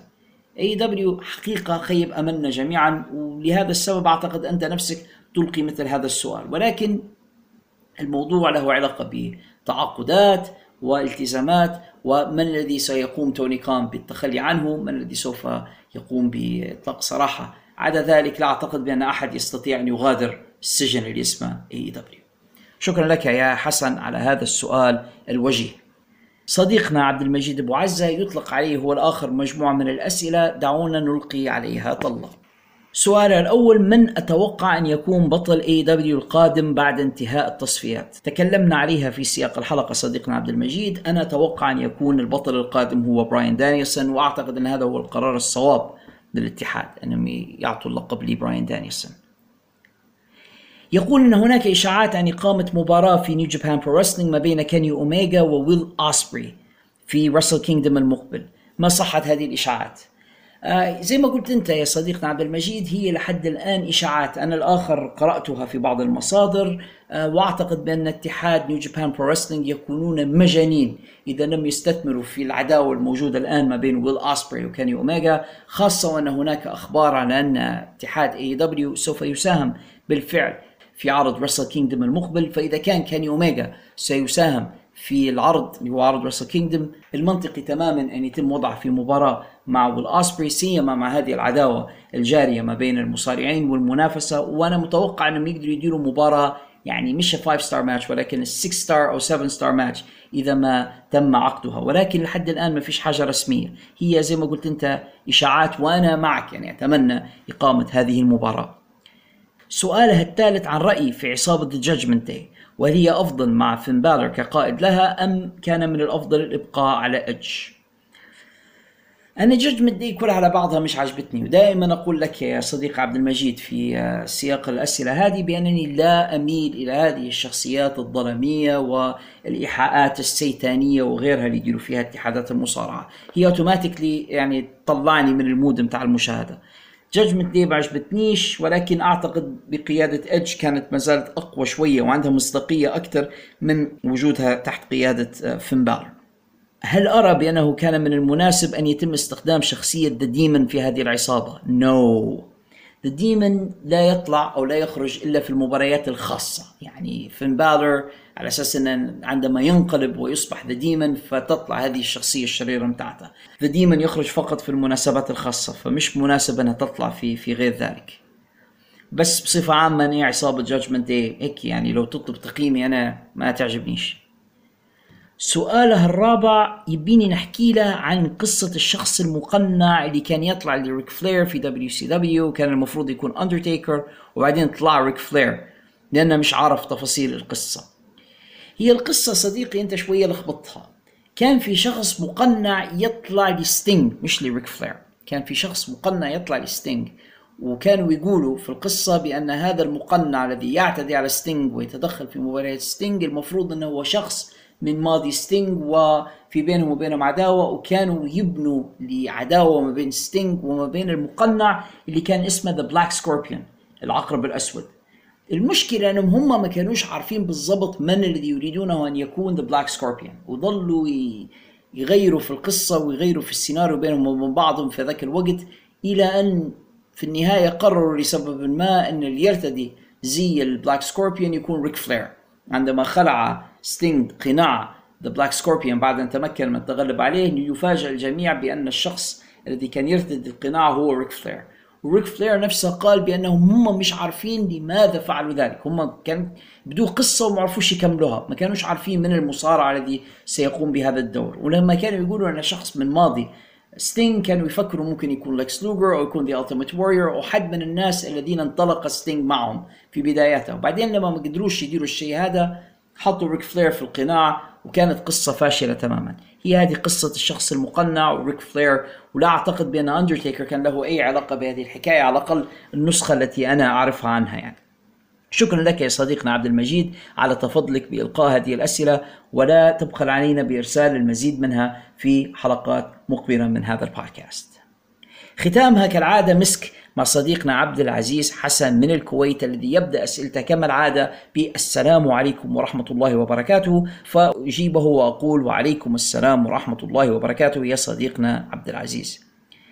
يسأل في البداية عن كراهية سي إم بانك لكيفن ناش، هو طبعا في مقدمة السؤال أشار إلى إجابتي في حلقة ماضية عن سبب الكراهية التي يكنها سي إم بانك لهالك هوجن وأنه متأثر بمحبته لبريت هارت ويبدو أن سي إم بانك يكره الكثير من الناس فيسأل لماذا يكره سي إم بانك كيفن ناش ولماذا لم تقم المباراة ما بينهما. بالنسبة لعلاقة سي إم بانك وكيفن ناش يا صديقي عبد العزيز وأنا قمت بشوية research لاتاكد من من الكلام قبل أن أجيبك. ما فيش بيناتهم شيء حقيقة لا كراهية ولا ولا صداقة. هي الموضوع كان storyline 100% في الواقع يعني in real life ما فيش أي شيء ما بين كيفن ناش و وسي إم بانك عدا أنهما ممثلان بارعان للغاية، تمكنا من إقناع الجميع بأن في بيناتهم عداوه، لكن في الحقيقة لا يوجد شيء شخصي ما بين كيفن ناش وسيام بانك.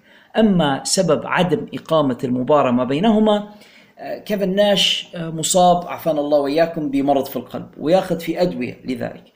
الدواء الذي يأخذه يترك آثار في العينات التي يتم أخذها من المصارعين شبيهة بالعينات المصابة بالمنشطات. فحسب ما يحكي كفناش هو ما كانش ياخذ في منشطات ولكن كان ياخذ في دواء للقلب. ولكن عندما تم أخذ عينة من بولا أجلكم الله بدأ كما لو أنه هو واخذ منشطات والحقيقة أنه لم يتعاطى المنشطات في ذلك الوقت. فتم إيقافه عن المصارعة بسبب ذلك. وبسبب ذلك لم تقم المباراة ما بين كيفن ناش وسي إم بانك برغم ال build up الذي كان يعني كان في قصة وكان في تبادل للشتائم ما بين المصارعين وبدا الامر كما لو انه سيقود إلى مباراة ما بينهما ولم تقم بسبب إيقاف كيفن ناش عن المصارعة. هذا بالنسبة لسؤالك الأول يا صديقنا عبد العزيز السؤال الثاني مع قرب نهاية عقد آدم كول في NXT كانوا يريدون أن يتحول إلى مدير أعمال آه، لمصارع آخر وأن يقوم بحلاقة شعره وكان هذا سبب رفضه تجديد العقد مع WWE فما رأيي في مقترحات فينس ماكمان هذه وهل أوافق؟ لا أنا مش موافق على مقترحات فينس ماكمان هذه برغم أني مش شايف أن آدم كول يمتلك المواصفات اللي تخليه نجم في ال main roster بتاع ال WWE يعني حجمه الصغير لا يسمح له أنه يبرز ما بين عمالقة ال WWE ولكن رغم ذلك أنا لا أعتقد بأن العلاج لهذه المشكلة هو وضع ك manager لمصارعين آخرين. وإذا كان ما قرأته أنا صحيحا كانوا يبوه يكون مدير أعمال لكيث لي. كانوا بيسموه آدم بام كان مش غلط ولا آدم بوم. وفعلا يبغوا يغيروا له شكله. لا أعتقد إن هذا كان سيكون مناسبا له وكان من الأفضل تركه كمصارع. ولكنه أيضا لم يكن ليكون مناسبا لل main roster بسبب صغر حجمه. وبالتالي تركه لل WWE آه، بالمطلق كان الحل الأفضل بصراحة ال career بتاعه ولكن AEW أيضا لم يحسنوا استخدامه. لكني لا أوافق على مقترحات فينس ماكمان هذه. سؤاله الثالث حنغيرها شوية لكن الفحواه يعني إنه يسأل عن العلاقة ما بين توني شوفاني وبريت بيكر. يعني هو يرى بعض التودد ما بينهما على الشاشة فيسأل ما حكاية هذه العلاقة وهل يمكن استخدامها كقصة فيما بعد آه، ما بين توني شوفاني وادم كول. آه لا آه العلاقة الحقيقية ما بين بريت بيكر وتوني شوفاني علاقة يعني يقول لها بالإنجليزي platonic يعني وعلاقة افلاطونية تماما علاقة أشبه بعلاقة آه أب بابنته يعني توني شوفاني نفسه في إجابة عن سؤال من هذا النوع قال بأنه أكبر في السن من والد بريت بيكر يعني في الواقع. وحقيقة العلاقة هو أن آدم كول نفسه كان قد وصى توني شوفاني عليها يعني قال رد بالك منها خلي لي عينك عليها آه، حافظ عليها من أن تصاب بأي مشاكل وهي موجودة هناك. فتوني شوفاني أخذ بريت بيكر تحت حمايته زي ما تقدر تقول أو تحت عهدته إنه هو كان ي... إحنا نقولوا بلهجتنا يرد في باله منها أو إنه هو يحافظ عليها ويقوم بحمايتها وهي هناك في AEW فالعلاقة علاقة يعني أبوية بحتة ما فيش أي شيء آخر. ولا أعتقد بأن الموضوع يمكن يتطور في إطار قصة غرامية أو غيرها. على الأقل لا أرجو ذلك يعني. توني شوفاني كبير شوية في السن. بريت بيكر أصغر مما تبدو. فأعتقد أن الموضوع حيكون كريبي للغاية لو هم طلعوا من هذا الإطار ودخلوا به في أي شيء آخر. موضوع علاقة صداقة بريئة تماما ولا علاقة لها بأي شيء آخر. السؤال الأخير لهذا الأسبوع عن اتحاد نيو جابان برو رسلينج الصديق عبد العزيز قال بأنه مهتم بمتابعة عروض هذا الاتحاد ولكنه يلاحظ بأن المباريات طويلة والعروض طويلة المدة ويسأل ما هي أهم عروض هذا الاتحاد والشهريات التي يقدمونها وعروضهم الأسبوعية وهل لديهم عرض مثل رسلمانيا أو مثل سمر سلام بصراحة يا صديقي عبد العزيز أنا الآخر لست من متابعي New Japan Pro Wrestling بشكل كبير لنفس الأسباب التي ذكرتها أنت. يعني عروضهم طويلة للغاية كثيرة للغاية وعندما أضيف ذلك إلى كل العروض الأخرى التي علي مشاهدتها بالإضافة إلى كل الأشياء الأخرى التي أقوم بها في حياتي. أجد بأن من الصعب متابعة عروض New Japan Pro Wrestling سيما وهي تفتقد إلى ال story lines وإلى ال build up التي أستطيع من خلالها الاستثمار عاطفيا في المباريات والعروض التي يقدمونها. ولكن في المجمل أستطيع أن أقول لك بأن من أهم عروض هذا الاتحاد عرض رسل كينجدم رسل كينجدم هذا بمثابة رسل مانيا الخاص بهم ويقيمونه كل سنة في الرابع من شهر آه، يناير. يعني كل سنة في بداية السنة في شهر يناير وتحديدا في 4 يناير. مهما كان اليوم سواء كان سبت أحد اثنين المهم الرابع من يناير لابد ما يقيموا عرض Wrestle Kingdom ومؤخرا قلدوا الطريقة بتاعت ال WW وبدأوا يقدمونها على ليلتين. يعني عندك two nights أو ليلتين من Wrestle Kingdom فهذا عرضهم الرئيسي وهذا بمثابة WrestleMania الخاص باتحاد New Japan Pro Wrestling دائما في ال main event of Wrestle Kingdom الفائز من بطولة G1 Climax وال G1 Climax هذا العرض الصيفي الذي يقدمونه على مدار شهر كامل من المباريات يقومون بتقسيم جميع مصارعي الاتحاد إلى مجموعتين مجموعة A ومجموعة B. مجموعات ويلعبون ضد بعضهم ويحسبون نقاط. وبعدين في النهاية عندك شخص يكون هو المتأهل عن المجموعة A وشخص مصارع يكون متأهل عن المجموعة B. البطل من A ضد البطل من B يصارعان بعضهما في نهائي The G1 Climax. وبعدين ذلك الفائز يصبح the number one contender ويتحدى على بطولة العالم في Wrestle Kingdom يلعب ضد بطل العالم. فهذا من أهم ما لدى آه، اتحاد New Japan Pro Wrestling بالنسبة ل G1 Climax و Wrestle Kingdom عندهم عرض آخر في شهر 6 هو عرض Dominion هو تقدر تعتبره بمثابة ال SummerSlam الخاص ب New Japan Pro Wrestling و Dominion دائما ما يكون قويا للغاية ويكاد يقارب في قوته قوة Wrestle Kingdom أيضا من عروضهم القوية. هذان العرضان Wrestle Kingdom و Dominion هما من أهم عروض اتحاد New Japan Pro Wrestling ولديهم مجموعة من العروض الأخرى المتفرقة على مدار السنة وتمتاز كلها بنفس القصة اللي حكيناها. المباريات الطويلة جدا والعروض الطويلة جدا اللي تصل إلى أربع وخمسة ساعات والتي صراحة يصعب متابعتها. بالنسبة للعروض الأسبوعية ما عندهمش عرض أسبوعي ثابت حسب علمي ما عدا عرض New Japan Strong و New Japan Strong هو عرض يتم بثه عبر قناة AXS TV في الولايات المتحدة وهو تجميع لمباريات الاتحاد. يعني هم يلعبوا في الكثير من ال house shows وكثير من المباريات المباشرة. يتم تجميع مشاهد منها ووضعها مع بعضها في حلقات وبثها عبر قناة AXS TV وهذا هو عرض New Japan Strong مباريات New Japan Pro قوية تمتاز بالأداء البدني العنيف strong style مبارياتهم طويلة. إذا كنت تحب ال style القريب من ال MMA فأنت ستستمتع ب style New Japan Pro إذا كنت مثلي تحب story lines وقصص و build ups و promos لا أعتقد بأنك ستستمتع كثيرا ب New Japan Pro أنا في المجمل لست من كارهي الاتحاد لكني أيضا لست من عشاقه أتابع الأشياء المهمة جدا من أجل هذا البودكاست واحيانا من أجل الاستمتاع. كنت مهتم باتحاد New Japan Pro أكثر عندما كان Kenny Omega و The Elite هناك.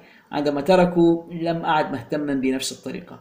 هذا مجمل ما أستطيع قوله الآن عن اتحاد New Japan Pro Wrestling شكرا لك يا صديقنا عبد العزيز على هذه الأسئلة ولا تبخل علينا بإرسال المزيد منها في حلقات مقبلة من هذا البودكاست بودكاست في الحلبة.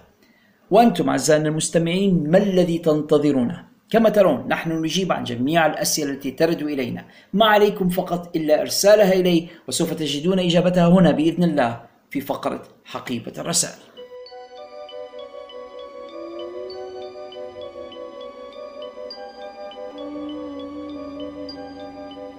هذا كل ما اتسع له الوقت لهذه الحلقة أعزائي المستمعين. أرجو أن تكونوا قد استمتعتم بالاستماع إليها بقدر ما استمتعت أنا بإعدادها وتقديمها إليكم. إذا كان الأمر كذلك فلا تبخل علينا رجاء بترك علامات الخمسة نجمات في ال apps والتطبيقات التي تستمعون إلينا من خلالها. علامات الخمسة نجمات تلك تساعد هذا البودكاست كثيرا على النمو والانتشار والوصول إلى آفاق أبعد. إذا كنتم تستمعون إلينا من خلال يوتيوب فلا تنسوا أن تعملوا like subscribe و share فعلوا جرس التنبيهات لكي تصلكم الإشعارات بالحلقات الجديدة أولا بأولا. واخبروا جميع أصدقائكم ومعارفكم ممن هم متابعين لمصارعة المحترفين لكي يستمعوا إلى هذا البودكاست. وفي الختام ما تنسوش قد نتأخر بين الفينة والأخرى ولكن عندما نصل فإنه لا يوجد أحد في عالم مصارعة المحترفين وخاصة تلك التي تقدم باللغة العربية يستطيع أن يقدم برنامج بودكاست أفضل مما نقدمه نحن هنا في الحلبة لأن Diamonds are forever and so is in the ring. Yeah! Dig it! وإذا يجمعنا لقاء في حلقة مقبلة من هذا البودكاست استودعكم الله الذي لا تضيع ودائعه والسلام عليكم ورحمة الله وبركاته نلتقي في الحلقة المقبلة بإذن الله تعالى.